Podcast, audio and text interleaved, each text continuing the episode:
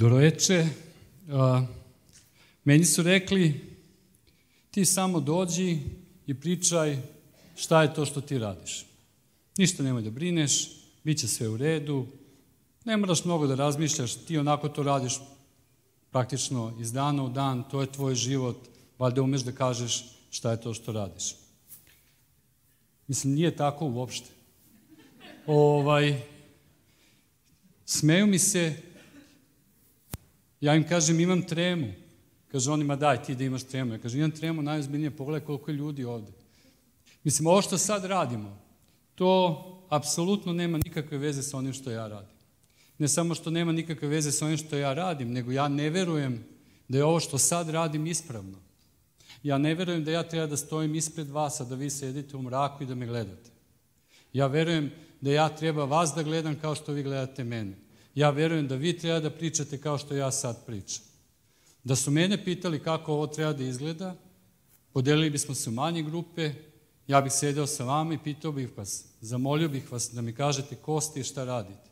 Pa kad bih vas saslušao, onda bih razmislio da li ima nešto što ja znam, a vi možda ne znate ili možda niste do kraja osvestili, što bi vama moglo da bude korisno da radite to što inače radite.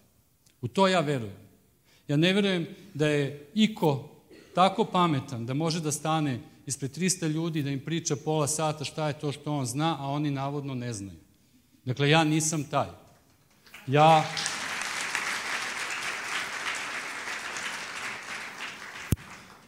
Dobro, ako vam se sviđa da idemo u ovom smeru, ja ću vam reći šta još nisam.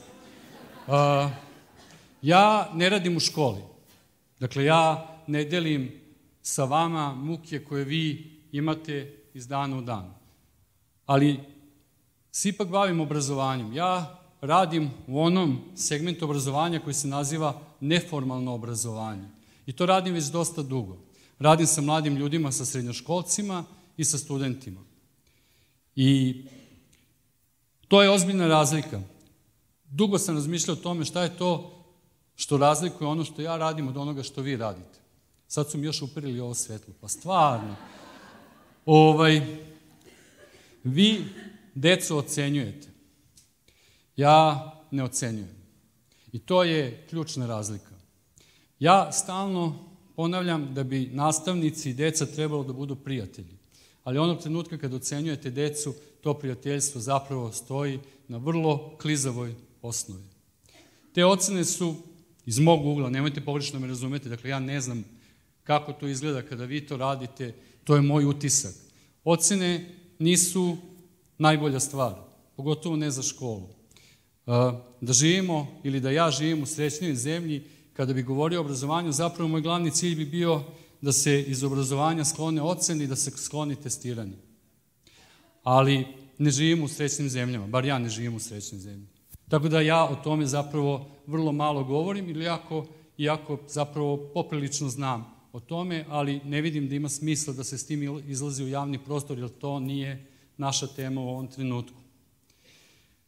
Druga razlika između vas i mene je to što deca koja dolaze u te radionice koje ja radim, dolaze dobrovoljno. A kod vas deca dolaze zato što moraju. Razlika je u tome što ja tu decu moram da privučem, što ja toj deci moram da budem zanimljiv, što ja s tom decom moram da delim nešto što oni misle da im treba ili što im zaista treba. I zato sve to radim da bi se oni vratili ponovo. Dakle, ako nema dece, ja ne mogu sa njima da radim. Uglavnom, insistiram da tim organizacijama sa kojima radim, te neke škole i sve, da se deca vraćaju iz godine u godine, da s istom decom prolazimo makar 4 do 5 ciklusa. To znači da s istom decom radimo 4 do 5 godina. Počinjemo prvim razredima srednje škole, a završavamo praktično do njihovih, sa njihovim studijama, pa čak nam dolazi deca koja su prošla ceo taj ciklus i onda su upisala postdiplomske studije i dalje dolaze na te radionice. Ne mislim o sebi ništa dobro, ne mislim da super radim svoj posao, ne mislim da sad kao nešto mnogo znam i sve, ali to da se ta deca vraćaju iz godinu u godinu, to vidim kao jedan od svojih velikih uspeha. Jer nešto očigledno tu postoji. Da li se mi fino družimo ili se oni druže među sobom i se šta god daje, oni se vraćaju. I onda sam pomislio, Dobro, ja ne umem da vam kažem, ili umeo bih, ali nije korisno da vam pričam o ocenjivanju, ali zapravo to što se ta deca vraćaju, možda je to neko moje iskustvo koje možda može da posluži. Jer jako deca moraju da dolaze kod vas, možda bi bilo lepo da kod vas dolaze zato što žele. Ne samo zato što moraju, nego i zato što žele, zato što im je lepo sa vama. To je, to je neki moj, to je neko moje, moje razmišljanje. Kako da deci bude lepo u školi? Kako da deca idu u školu i da budu srećni? Ne znam kako je vaše iskustvo. Ne znam da li pričate sa decom o tome. Ne znam da li vam deca govore kako se osjećaju u školi. Da li im je škola fina ili im nije fina. Da li se raduju odlasku u školu ili ne. Ali moje mišljenje, moje mišljenje, da uspešna škola, dobra škola je zapravo ona škola u koju deca idu srećna, raduju se dolasku u školu i rado se u tu školu vraćaju. E sad, naravno, ja mogu da vam kažem šta ja radim s decom, pa se ona vraćaju, ali možemo da podignemo to i na neki abstraktniji nivo. Kad ja kažem dobro je da deca idu srećna u školu, dobro je da se srećna vraćaju u školu. To još uvek ne znači da sam rekao čemu u stvari škola treba da služi. Čemu služi obrazovanje? Šta je to što mi radimo? Šta je to što vi radite u školama, a šta je to što ja radim na tim radionicama? Kada bi vas neko pitao što bih ja uradio da vas je manje i da ste i vi osvetljeni kao i ja, šta je to obrazovanje?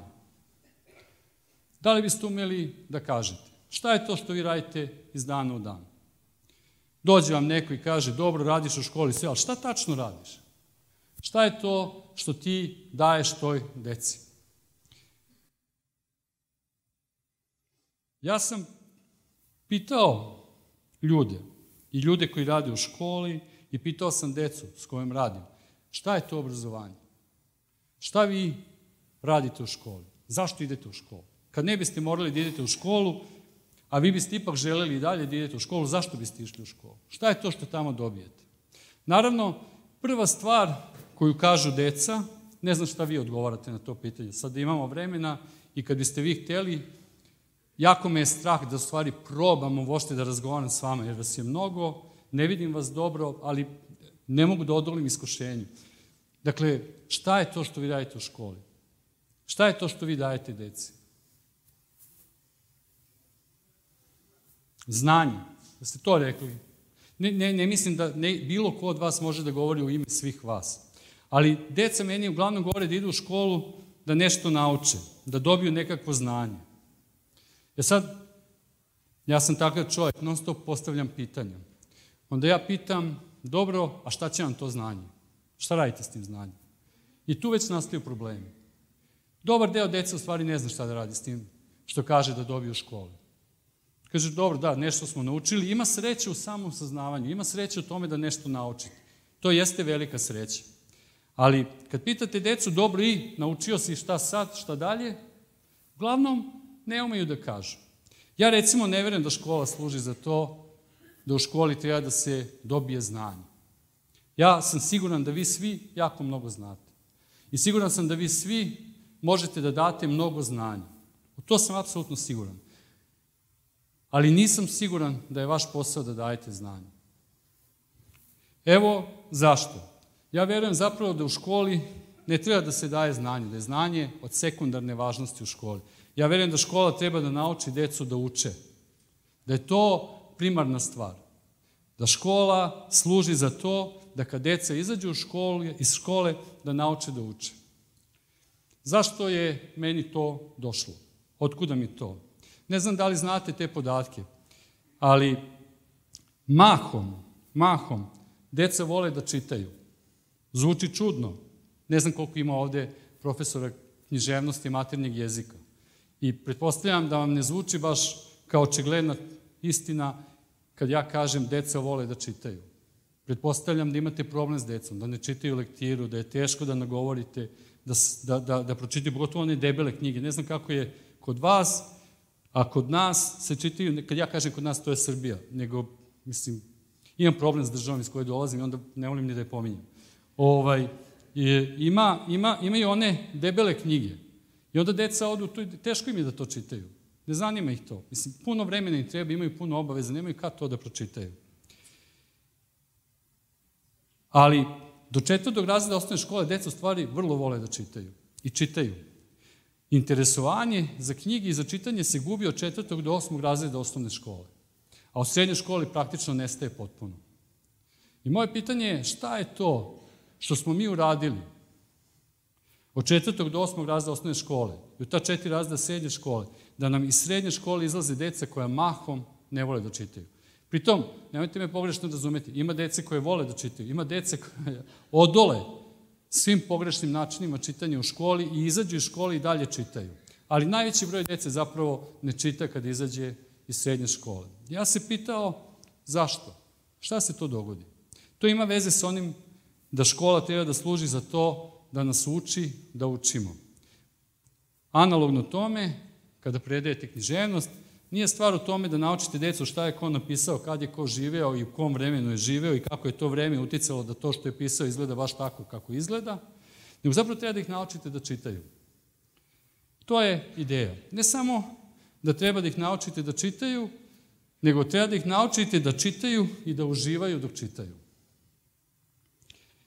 Ako je to tako, i evo recimo jedna od stvari u koju ja verujem, onda vi ne bi trebalo da radite po nekom programu i da sledite neku lektiru i neka izabrana dela koje je neko drugi rekao da treba da se radi u školi.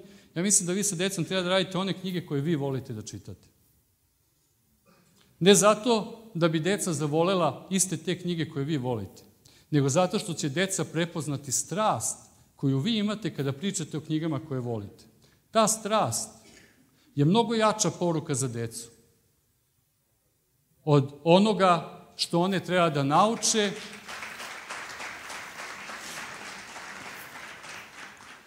Dobro, ja sad treba da zaključim da mi ne ide loše do sada. Dobro, dobro. A još stojim, što isto dobar znak. Evo, evo šta to u stvari znači. Recimo da smo do sad stigli dotle da deca u školi treba da nauče da uči, da treba da nauče da čitaju. I da i u jednom i u drugom treba da uživaju. Pošto sam se bavio nastavom književnosti maternjeg jezika i pošto sam isčitavao te programe i sve, ne znam kako je kod vas, ali u zemlji s kojoj ja dolazim, nastava književnosti maternjeg jezika služi da se utvrdi identitet, kolektivni identitet. Da se deci kaže, vi ste to i to, pripadate tome i tome, a to vam znači to, to, to i to. To ide tako što vam se uzme neki tekstovi, uglavnom zgodni za tu vrstu poruke, i onda idu ta pitanja za analizu, a kraj analize uvek da kažu ko su to oni. Pretpostavljate da kad dolazite iz Srbije, deca u školi treba da nauče da su Srbi. Ne znam da li je tako kod vas, kod nas je tako. Ja nemam neki ozbiljan problem s tim da deca nauče da su Srbi. Na kraju krajeva jesu. Od toga nešto pobegnete. Vi se rodite unutar neke zajednice, to se zove takozvano nedobrovoljno pripadanje. Prosto ste se rodili i rođenjem ste član te zajednice. I nije loše osvestiti da ste član zajednice, nije loše osvestiti da zajednica ima nekakav identitet.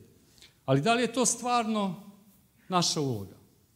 Da li zaista mi kada dođemo, mi, sad se ja odmah identifikovao s vama, da li zaista kada nastavnik uđe u učionicu, zaista treba nekom da kaže ti si to i to.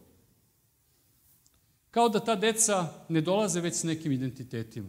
Kao da ta deca ne dolaze već s nekim privrženostima. Kao da ta deca već nemaju neku svest o tome gde pripadaju i kome pripadaju. Šta bi značilo pričati o identitetima, ali iz ovog ugla naučiti kako se uči ili uživati u čitanju. Kako naučiti kako da se čita i da se u tome uživa. Dakle, rekao sam vam, iz raznih razloga nemam problem s kolektivnim identitetima, mislim da su oni neminovni, ali kako sad, kao neko ko bi radio u školi, kako mi s tim radimo? Da li ćemo to raditi tako što ćemo reći vi ste to i to i o tome dalje nema razgovora? Ili ćemo reći šta je taj identitet u stvari? Na tim radionicama, to je jedna od prvih stvari koje ja radim sa decom sa kojom radim, ja im ispričam šta je identitet. Ali pre toga ih pitam da mi oni kažu kako oni vidi identitet. Šta je to za njih? Najčešće, najčešće, Deca vam kažu da je identitet nešto nepromenljivo, da smo to mi i da nas to sasvim određuje. Onda mi ja postavim pitanje, ja kažem, dobro, vi sa dve godine, vi sa sedam godine, vi sa 15 godina, vi ste uvek jedno te isto. Oni se smeju, kažu, pa ne, nismo naravno. Pa dobro, onda to isto ili nije isto? Oni kažu, pa stvari nije isto. Kažem, dobro, i šta je onda vaš identitet? I tu sad nastaje problem. Onda oni kažu, moje ime je moj identitet. Ili ovo moje telo je moj identitet. Što su sve tačni odgovori. Ali ja kažem, dobro, ali kako znamo da je to telo isto ili da je to ime isto i sa dve, i sa pet, i sa 15 godina? Kako to znamo? I tu nastanu problemi. I onda im vi kažete jednu poprilično jednostavnu stvar. Identitet je priča. Identitet je priča. Vi ste iste osobe i sa dve, i sa pet, i sa 15 godina zato što umete da ispričate priču. Zato što umete da povežete te tačke vi od dve godine, vi od pet godina i vi od 15 godina. I dok god umete da ispričate priču, vi imate identitet. Što znači da identitet zapravo nije ono što je uvek isto, nego identitet stalna promena. Ali ga mi čuvamo tako što umemo da ispričamo priču o toj promeni. Tako ja s njima radim. Vi možete da se ne slažete sa mnom, možete da mislite da je to nešto drugo, ali tako to mi radimo. Zašto je meni to važno? Zato što onda ja kažem, ajmo da prestanemo da pričamo o identitetu, ajmo da pričamo o priču. Ajmo da pričamo o pričama. I onda im kažem, svaka priča ima onoga ko priča ima onoga kome se priča. I svaka priča je nekakav izbor. Svaka priča, kada vi pričate o sebi, vi ne pričate o sebi zato što sebi hoćete samo da ispričate tu priču, nego identitet postoji samo kad imate nekoga pored sebe. Kada bismo bili sami na svetu ili kada bi postojala jedna homogena zajednica jedina na svetu, nikada ne bismo pričali o identitetima. Ne bi bilo potrebe da uvedemo identitet. Identitet postoji samo kada je pored nas neko drugi ko nije mi. I tom drugom mi imamo potrebu da ispričamo priču o sebi. I kada pričamo tu priču o sebi, nikada ne pričamo sve, nego izaberemo ono što po našem mišljenju najviše odgovara tome ko smo mi. I po našem mišljenju, onaj kome se obraćamo najbolje da zna baš to o nama. To je ono što mi želimo da se zna o nama. I onda već stignemo do tih pitanja. Ko priča priča o našem kolektivnom identitetu, kome je priča i ko pravi izbor. Kada dođete do otle, ne morate više ništa pričate sa decom. Jer onda oni sami počnu da razmišljaju. Stvarno, ko je odlučio da istorija u školi izgleda baš tako kako izgleda? Ko je odlučio da nastava književnosti, odnosno program iz nastavne književnosti izgleda baš tako kako izgleda? Ko je taj koji je odlučio da napravi izbor i da ispriča priču? A ko smo mi, kao osobe kojima se ta priča priča i šta se od nas očekuje? Ne morate ništa drugo da im kažete, dovoljno je to da im kažete. Zašto vam, zašto vam ovo kažem? Ovo vam kažem, ovo vam kažem zato što to ima veze sa onim što ja verujem da škola treba da bude. Ja nemam nikakav problem da se ljudi identifikuju kako god im se prohte. Kako god im se prohte. Ali imam problem da se identiteti nameću, a da ne znamo od čega se oni sastoje i ko ih zapravo kreira. I to je to, naučiti decu da uče, naučiti decu da čitaju. Dakle, rasklopite priču. Koju god hoćete priču. Pa onda i priču o identitetu. Rasklopite je. Kad je rasklopite, ima dece koje zaista žele da budu to što već jesu. Ali će znati da je to priča i umeće da ispričaju tu priču. Ima dece koja ne bi želela da budu to što im se kaže da treba da budu. Odlično, ali oni znaju da je i to priča i naučit će da ispričaju tu priču. Na kraju krajeva naučit će, pošto je svaki identitet priča, da ima identiteta koji su ravnopravni. Na kraju krajeva, čak i u Srbiji ne postoji samo jedan srpski identitet. Iako najveći broj ljudi u Srbiji misli da ja nisam Srbin, jer ne zadovoljavam neke kriterijume da budem ispravan Srbin, ja jesam to. Ali moja priča izgleda drugačije od one priče koja se negde drugde priča. I umem da je ispričam. I ne osjećam se za, da, da sam uskraćen zbog toga što se moja priča ne poklapa sa tom nekom dominantnom pričom. To je stvar koju ja mislim da deca treba da nauče u školi. To je ono, naučiti decu da uči ili naučiti decu da čita ili naučiti decu na kraju krajeva da pričaju priče. Zašto je ovo važno? Neka bude da škola zaista služi da se prenese znanje. Neka bude da ste vi u školi da date neko znanje. Neka bude sve tako. Moje pitanje za vas je šta je to što vi znate? Šta je to što vi znate? Znate neke informacije? Koja je razlika između vas i Wikipedije? S tim što dete ne može vas da vodi za ruku i da vas pita stalno kad mu nešto treba, a Wikipediju može da otvori na telefonu i da dobije svaku informaciju. Jel zaista želite da se takmičite s Wikipedijom? Izgubit ćete tu bitku, čak i ako želite, a ne želite naravno. Dakle, šta je to što vi znate? Ja mislim da vi znate, sad pričamo o nastavnicama književnosti, jer je to moja osnovna struka, ja sam studirao književnost, vi znate da rasklopite priče. Vi znate da čitate i da tumačite priče. To je vaše znanje. Nije vaše znanje kad se ko rodio, šta je napisao, kako je izgledao, jeli, pravac kome je pripadao, zašto je tako izgledao, kako su sta... Sve je to važno da se tumače priče. Ali nije to ono što vi, što je vaše osnovno, vaše osnovno znanje je to da umete da rasklopite priču. Da umete da je pročitate, da umete da umete... I to treba da dajete deci. I onda nema konkurencije. Wikipedia je nula u poređenju s vama. Ako je vaš posao da uterujete identitet u decu, svaki futbaler će bolje raditi vaš posao od vas. Luka Modrić je više uradio za hrvatski identitet od svakog nastavnika književnosti u Hrvatskoj. Ne možete da se takmičite s Lukom Modrićem. On je perfektan igrač. Niko od nas ne ume da igra tako dobro kao on. Ali on ne ume da čita kao mi. Mi umemo da pričamo priče, a on ne ume. To je naše. Zato se mi ne takmičimo s njim. Nego umemo njega da stavimo u neki kontekst i da kažemo, deci, znate, Luka Modrić je nama važan ni zbog ovoga. I da objasnite onda celu tu priču. I onda ste važni deci. Jer deca luduju. Ja sad pretpostavljam, nemam puno kontakata sa decom iz Hrvatske, pretpostavljam da deca luduju za Lukom Modrićem. Novak Đoković, naravno, nešto izbegavam primere iz zemlje iz koje ja dolazim, ali Novak Đoković, tako je. Znači, Novak Đoković, kako bih rekao, nula ste u poređenju s njima ako hoćete da se takmičite s njim i da udarate lopticu. Nula ste u poređenju s njima ako hoćete da kažete zašto je važno biti Srbin. Jer je on najveći Srbin u ovom trenutku. Ali ono što vi znate, to je zašto je Novak Đoković uopšte bitan.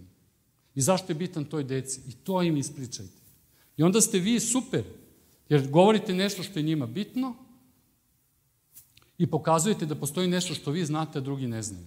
I onda ste vi važni. Onda ste vi važni. Stoji još jedna stvar. Ono što vi znate, znaju svi oni koji pišu programe za školu. Vi ste završili iste škole koje su završili oni koji pišu programe. Iste škole. Najčešće ste vi studirali kod onih koji pišu učbenike po kojima vi radite. Najčešće. Zašto biste vi radili ono što vam oni kažu?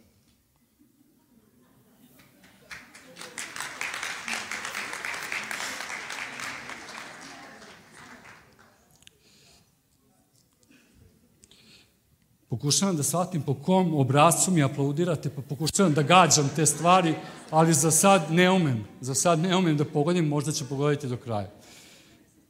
Ima, ima, ima još jedna stvar. Zašto vaše znanje, ako ga imate mnogo, nije relevantno za decu? Vi ne vaspitavate decu da žive u vremenu u kome vi živite. Vi vaspitavate decu da žive u vremenu sa kojim ćete vi imati vrlo malo veze. Vi vaspitavate decu koja će svoj život početi da žive 5 do 10 godina pošto završe kod vas. Niko od nas ne zna šta će da bude za 5 ili 10 godina. Niko. Zašto onda to radimo? Zašto onda to radimo? Nama su tamo, odakle ja dolazim, govorili kako škola treba da priprema decu za tržište rada. Ej, za tržište rada. Onda vi njih pitate, dobro, evo, hoćemo, hoćemo, pripremit ćemo izgled. Kako će da izgleda tržište rada za 10 godina? Onda vas oni pogledaju i kažu, pa to niko ne zna. Pa vi onda kažete, pa što nam govorite da to radimo? Što nam govorite da to radimo? Ne znam kakav je vaš problem s dualnim obrazovanjem. U Srbiji se u ovom trenutku dualno obrazovanje nameće kao zapravo glavni model obrazovanja. To vam je obrazovanje za tržište rada. To je katastrofa onda smo mi potrošili puno vremena i sa tom decom s kojom sam ja radio sa studentima, a i ja sam pisao te tekste i objašnjavao da dualno obrazovanje nikako ne može biti model obrazovanja. Pored ostalog i zato što dualno obrazovanje ne garantuje da ćete naučiti decu da uče, ali ćete ih obučiti za poslove koji vrlo verovatno neće postojati za 5 do 10 godina. Dakle, dualno obrazovanje je katastrofa. Apsolutna katastrofa. U Srbiji se i dalje gura to kao osnovni model obrazovanja, nadam se da je kod vas bolje. Ali neće im to proći jer to naprosto ne može da radi. Raspašće se, izgubit ćemo nekoliko generacija ili niz generacija koje će biti obrazovane po tom modelu, a zapravo će tek onda, kada završe školu, morati da počnu da uče, da uče. Dakle, tržište rada otpada, znanje otpada, ostajamo ovo. Kraj krajeva, vi ste, vi, vi ste svi vrlo jasno demonstrirali da umete da učite. To je zanimljivo. Mi mislimo da fakultet je važan zato što kad odete na fakultet naučite nešto što drugi ne znaju. Međutim, danas su svi završili fakultete. Svi. Manje više. Ne baš svi. Ne baš svi. Dobar procenat. Veći nego pre mnogo godina. Mnogo veći. Ali nije stvar u tome da ste vi otišli na fakultet i stekli nekako znanje. Stvar je u tome da ste vi otišli na fakultet i dobili diplomu zato što ste pokazali da umete da učite. U tome je stvar. Niste na fakultetu pokupili znanje. Jeste, ali to je sekundarno. Ali ste pokazali da umete da učite. Diploma nije dokaz da nešto znate. Diploma je dokaz da umete da učite. To je diploma. Naravno, u svakoj oblasti za koju ste se jeli, pripremili, Pa u jednoj oblasti se uči na jedan način, u nekoj drugoj oblasti se uči na neki drugi način i to je to. Ova, ova, ova, sad samo moram da pročitam, pošto sam zaboravio, ne umem da učim na pamet. To je moj veli, verovatno zato ovo sve i pričam. Zato što sam uvijek u školi imao problem da ponovim ono što mi se kaže. Uvijek sam smišljao kako to može se kaže neki drugi način. Mislim, prosto loše pamtim. Sad se ja smislio ceo model obrazovanja koji bi išao na ruku ljudima poput mene. Ovaj, kaže, Budućnost sveta je u mojoj učionici, to je slogan ove, ove, ove, ove, ovog skupa. Ne znam kako se ovo zove. Kako se ovo zove? Konferencija? Konferencija, dobro. dobro. Skup. Skupili smo se da pričamo. Dakle, budućnost sveta je u vašoj učionici. To nije fraza. To nije zgodan slogan. Na jedan ozbiljan način to je sušta istina. I to više nema veze ni sa identitetima, ni sa znanjima i sve. Evo ja ću završiti sada sa, sa tim. Vi znate da od danas pa za 30 godina će doći do tako ozbiljnih promjena, klimatskih promjena, da planeta neće ličiti na ovo što mi poznajemo. Ne samo planeta, nego način na koji mi živimo više neće biti moguće. Vi trenutno imate skup u Egiptu, tamo se neki ljudi dogovaraju kako bi moglo to da se ublaži, da to ne bude baš tako krupna promjena kao što će biti. I vidite da izostaje volja, da nema razloga, da nema, nema volje i nema ideje kako bi to moglo. Iako se tačno zna šta treba da se radi, ali nema volje da se to radi. Ja trenutno radim sa studentima, mi analiziramo tu situaciju i sad se pitamo zašto je planeta paralisana. Vi znate da će nešto da se dogodi, znate da će to da bude pogubno i ne preduzimate ništa. Kako je to moguće? Postoje razlozi, postoje tri grupe razloga zašto je to moguće, o tome možemo da pričamo nekom, nekom drugom prilikom. Tri grupe razloga postoje zašto smo mi paralisani kada vidimo da nam preti uništenje, znamo šta treba da uradimo da to izbegnemo i mi ništa ne radimo. Vrlo zanimljiva situacija, ali postoje razlozi zašto se tako ponašamo. Ja sad sa decom radim te razloge. Pričamo o tome, koji su, koji su razlozi. Koristimo neku literaturu za to. Znate, ti neki ljudi koji se time zbave ozbiljnije od mene, šta oni vide, i sad je ovo upućeno naravno nastavnicima književnosti, jako jasno vidim kako i druge oblasti mogu da doprinesu svesti o tome da nešto moramo vrlo brzo da uradimo. Ali sad govorim iz ugla nastavnika književnosti. Znate šta ljudi kažu kako bismo mogli da se nosimo s tim promenama, kako bismo mogli za njih da se pripremimo. Tako što ćemo pričati priče. Zašto priče? Zato što nas priče uče, ili mogu da nas uče, ako ih osmislimo kako treba, da razmišljamo drugačije nego što smo razmišljali do sada. Ne možete to da kažete ovako, od danas ti moraš da razmišljaš drugačije. To ne radi. To ne može. Ali kad ispričate priču, I ako ta priča je sklopljena na način da dete ili odrasla osoba koju pričate može da osvesti situaciju u kojoj se nalazi i da onda ono što je razumeo iz priče primeni na svoju situaciju, to ide mnogo lakše. To ide mnogo lakše. Drugim rečima, da zaboravimo ove naše lokalne muke ili moje muke, jeli, zbog zemlje iz koje dolazim. Ne, da se bavimo najglobalnijim, najopštijim stvarima na ovom sveta, to su trenutno klimatske promene. I onda, i onda, vi kao nastavnici književnosti maternih jezika, a i svi drugi, naravno svako na svoj način, imate svoju ulogu. Ne tako što ćete deci objašnjavati koji su to procesi koji dodaju klimatskih promjena i šta će se dogoditi, li ako, ne znam, nivo ugljenika pređe ne znam koliko, a ne znam šta se smanji ili već kako. Ne, nego tako što ćete pričati priče. I tako što ćete decu naučiti da pričaju priče drugačije nego što ih pričaju sada. I onda je to, recimo, posljednji, sad se ja izvinjam što sam skroz suzio na nastavnike književnosti, ali verujem da se analogije mogu praviti i ka drugim, ka drugim, ka drugim oblastima. Stvari u tome da način na koji pričamo priču oblikuje način na koji mi razmišljamo. Imate knjigu jedne čuvene filozofkinje, ona se zove Marta Nussbaum, i ona je rekla da bi nastavak književnosti morala da bude obavezna na svim fakultetima, društvenim, tehničkim, prirodno-naučnim, apsolutno na svim. Zašto? Zato što, naravno, vi učite da mislite kad radite druge stvari, ali pričanje priča vam pomaže da razmišljate drugačije. Nama nije potrebno da razmišljamo kao što smo razmišljali do sada, jer nas je to vodilo ili nas vodi u uništenje. Nama je potrebno da razmišljamo drugačije. Ako hoćete da razmišljate drugačije, morate da naučite da pričate priče drugačije. A to možete samo vi. Nema ko drugi. Znate kako da pričate priče, znate kako da ih tumačite i nalazite se na mestu gde možete da dobacite najdalje. I s tim završavam. Potpuno je fantastično kolika je moć u školama. Nema te društvene mreže koja je moćnija od škole. Ne postoji. U Srbiji, to sam stalno govorio ljudima, u Srbiji je oko škole u svakom trenutku vezano 2 miliona ljudi. U svakom trenutku 2 miliona ljudi je direktno vezano za škole. Što đaka, što nastavnika, što roditelja. 2 miliona. Jače je od svake društvene mreže, od svakog medija u Srbiji je jača škola. I nikada nastavnici nisu živeli bednije i nikada nisu imali manje poštovanja nego danas u Srbiji. Za mene je to nepodnošljivo apsurd. I sve što ja radim je zapravo da kažem nastavnicima, vi vredite i vi ste jači od svih drugih. I pokažite to već jednom.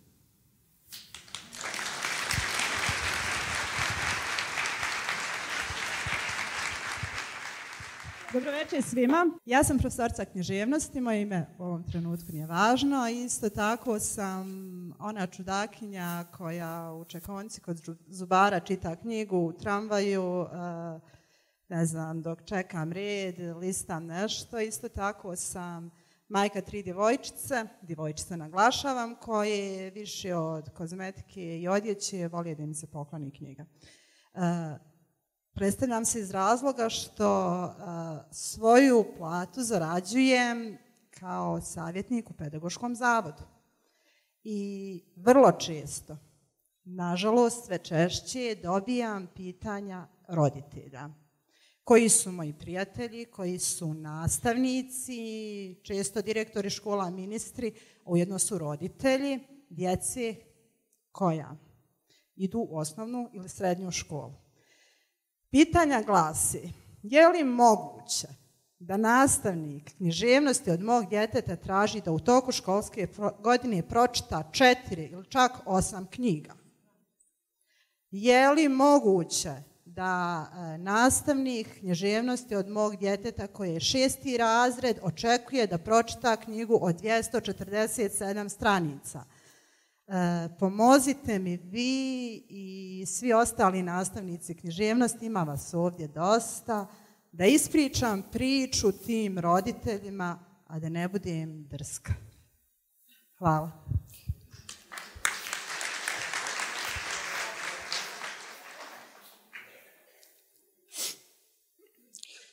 Ja ne mislim da ti roditelji greše. Ja ne mislim da ima dovoljno vremena u jednoj školskoj godini da deca ozbiljno pročitaju pet ili šest ozbiljnih knjiga. Ja verujem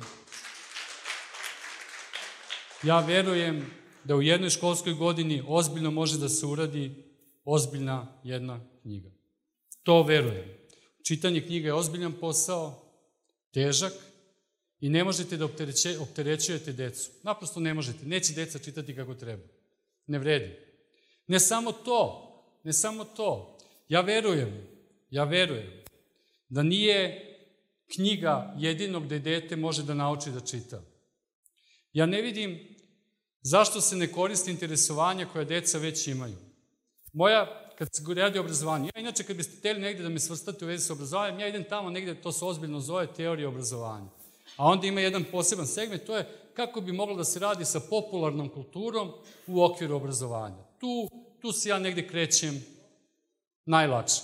I ovo što ste me vi pitali zapravo ide ka onome čime se ja bavim već godinama i, i gde nekako imam neki osjećaj da možda ne grešim. Da sam možda makar delimično u pravu. Ne možete doći pred decu i reći im pročitajte ovu knjigu. Na kraju krajeva, čak i ako to uradite, morate da im kažete, a zašto baš ta knjiga? I šta ta knjiga znači za živote koji oni žive u tom trenutku? Inače, sve drugo je nasilje. To da naša škola služi da se deci nešto nametne, a da ona čak ne mogu ni da kažu šta o tome misle, a kamoli da ih pitamo da li to žele. To je pogrešno. To od nas pravi poslušne, ne znam kako bi nas nazvao, nije važno. Poslušne stanovnike ovih naših, ne znam ni to kako bih nazvao. Tako da, ja mislim da to ne treba da se radi. Ja bih išao na jedan drugi način u susret tim problemima. A svestan sam tih problema, naravno. Ja bih pitao decu, dobro decu, je li neko od vas pročito nešto dobro skoro? Nemojte se zegirati, ne čitaju deca ništa, pa nam ništa neće ni odgovoriti. Onda ih, onda ih pitate, onda ih pitate u stvari, a jeste gledali nešto dobro? Jeste gledali neki film, neku seriju, pratite nešto? Tu već imate neke šanse. Možete da ih pitate ili igraju neku igricu. Znate šta? Evo, vi mi recite, možda ja grešim. Iz mog iskustva, onoliko koliko ja znam, igrice su tabel u našoj školi. Kaže se da deca koji igraju igrice gube vreme. To nije tačno. Igrice su jako zanimljive. I igrice su način na koji se danas pričaju priče. Sa tehnologijom koja je deci danas dostupna. Krenite od onoga što je deci blisko. Krenite od onoga što je deci blisko. Krenite od onoga što su deca već savladala, što su već pročitala. Krenite od onoga za što im nije potrebno mnogo vremena. Da to prođu i da mogu kompetentno s vama o tome da razgovaraju. A onda to iskoristite, da im date ono što vi znate. A to je kako se čita i kako se tumači. Jednom kada ih naučite da o tome uživaju, da uživaju u razgovoru o onome što su čitali, gledali ili igrali, sledeći put će vam verovati kada im kažete ajmo sad da probamo da pročitamo ovu knjigu. Ali ne možete prema deci frontalno u sukob. Nešto im kažete, moraš ovo. Ja mislim, ja mislim da škola ne treba da bude nešto što se mora. Ja mislim da škola mora da bude nešto što se voli. Ako hoćete da se bude nešto što se voli, onda krenite od onoga što deca već vole. Pa čak ako je to strašno. Reći ću vam to, vrlo često koristim taj primjer. Možda ćete se i vi zgroziti kao što se ljudi inače zgroze kad im to kažu. Moja deca, recimo, su u nekom trenutku u svom životu, sad su njih dve velike, a ovo jedno dete koje imam, ono je još malo. Ali smo prošli kroz jednu fazu kad su one volele da gledaju reality programe. Prvo smo zabranili u kući da to gledaju. Nama je bilo strašno da deca to gledaju. Onda su one dolazile uplakane iz škole i govorile da oni to moraju da gledaju. Onda smo ih pitali zašto. Onda su oni rekli zato što svi pričaju o tome. I ako mi to nismo gledali, mi stojimo po strani i ne možemo da se družimo s drugima. I onda smo mi shvatili u bogati. Napravili smo štetu svoje deci. A nismo hteli to.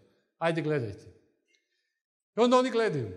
Ne znam da li ste trošili vreme, ja sam prosto takav. Kako gledaju moje deca, gledat ću ja da vidim šta je to.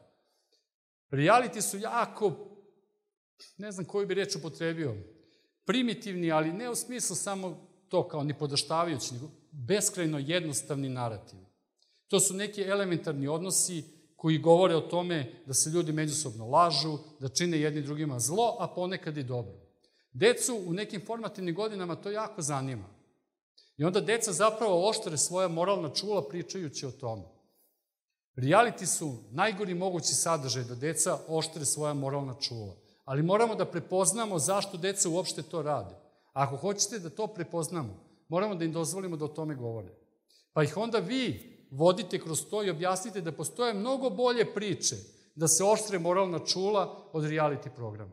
Dakle, moj stav načelan je, idite ka deci, a ne protiv dece. Pođite od onoga što je deci blisko da biste stigli tamo gde vi želite da ta deca stignu. To bi bio moj odgovor. I ako to znači jedna knjiga za godinu dana, pa onda pobogu ta jedna knjiga. Nije to malo.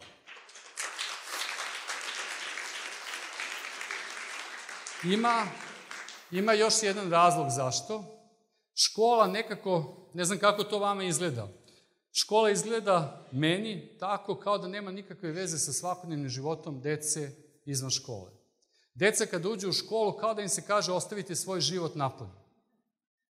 To nije dobro. To nije dobro jer onda deca misle da njihov život napolju nije vredan škole. A škola to ne sme da bude. Škola ne sme da šalje tu poruku. Škola mora da šalje poruku da je njihov život vredan. Da je to što oni rade van škole vredno. I da je škola tu da im pomogne da se van škole bolje snalazi i bolje razumeju stvari. Ako ne mogu svoj život da unesu u školu, pa s čim onda oni nama dolaze u školu? Ako ne mogu u školi da rade ono što vole da rade van škole, čemu onda služi škola? Ja verujem, sad naravno kad sam ja ovo rekao, meni odmah prolazi kroz glavu šta bi sve deca mogla da voli, kako to baš nije zgodno da se radi u školi. Ali neki rizik mora da se preuzme. Neki rizik mora da se preuzme. Pa se nađete negde gde, gde ste i vi sigurni i oni sigurni. Ali su oni doneli deo svog života u školu. To je užasno važno. Užasno je važno da se deca prepoznaju u školi. To je jedan od puteva identifikacije sa školom. A mislim da identifikacija sa školom i privrženo školi ono na što jedino možete da se oslonite kada radite svoj posao. To bi bio moj odgovor. Moguće da sam vas razočarao, izvinjavam se ako jesam, ali meni se čini da bi ovo bio bolji odgovor.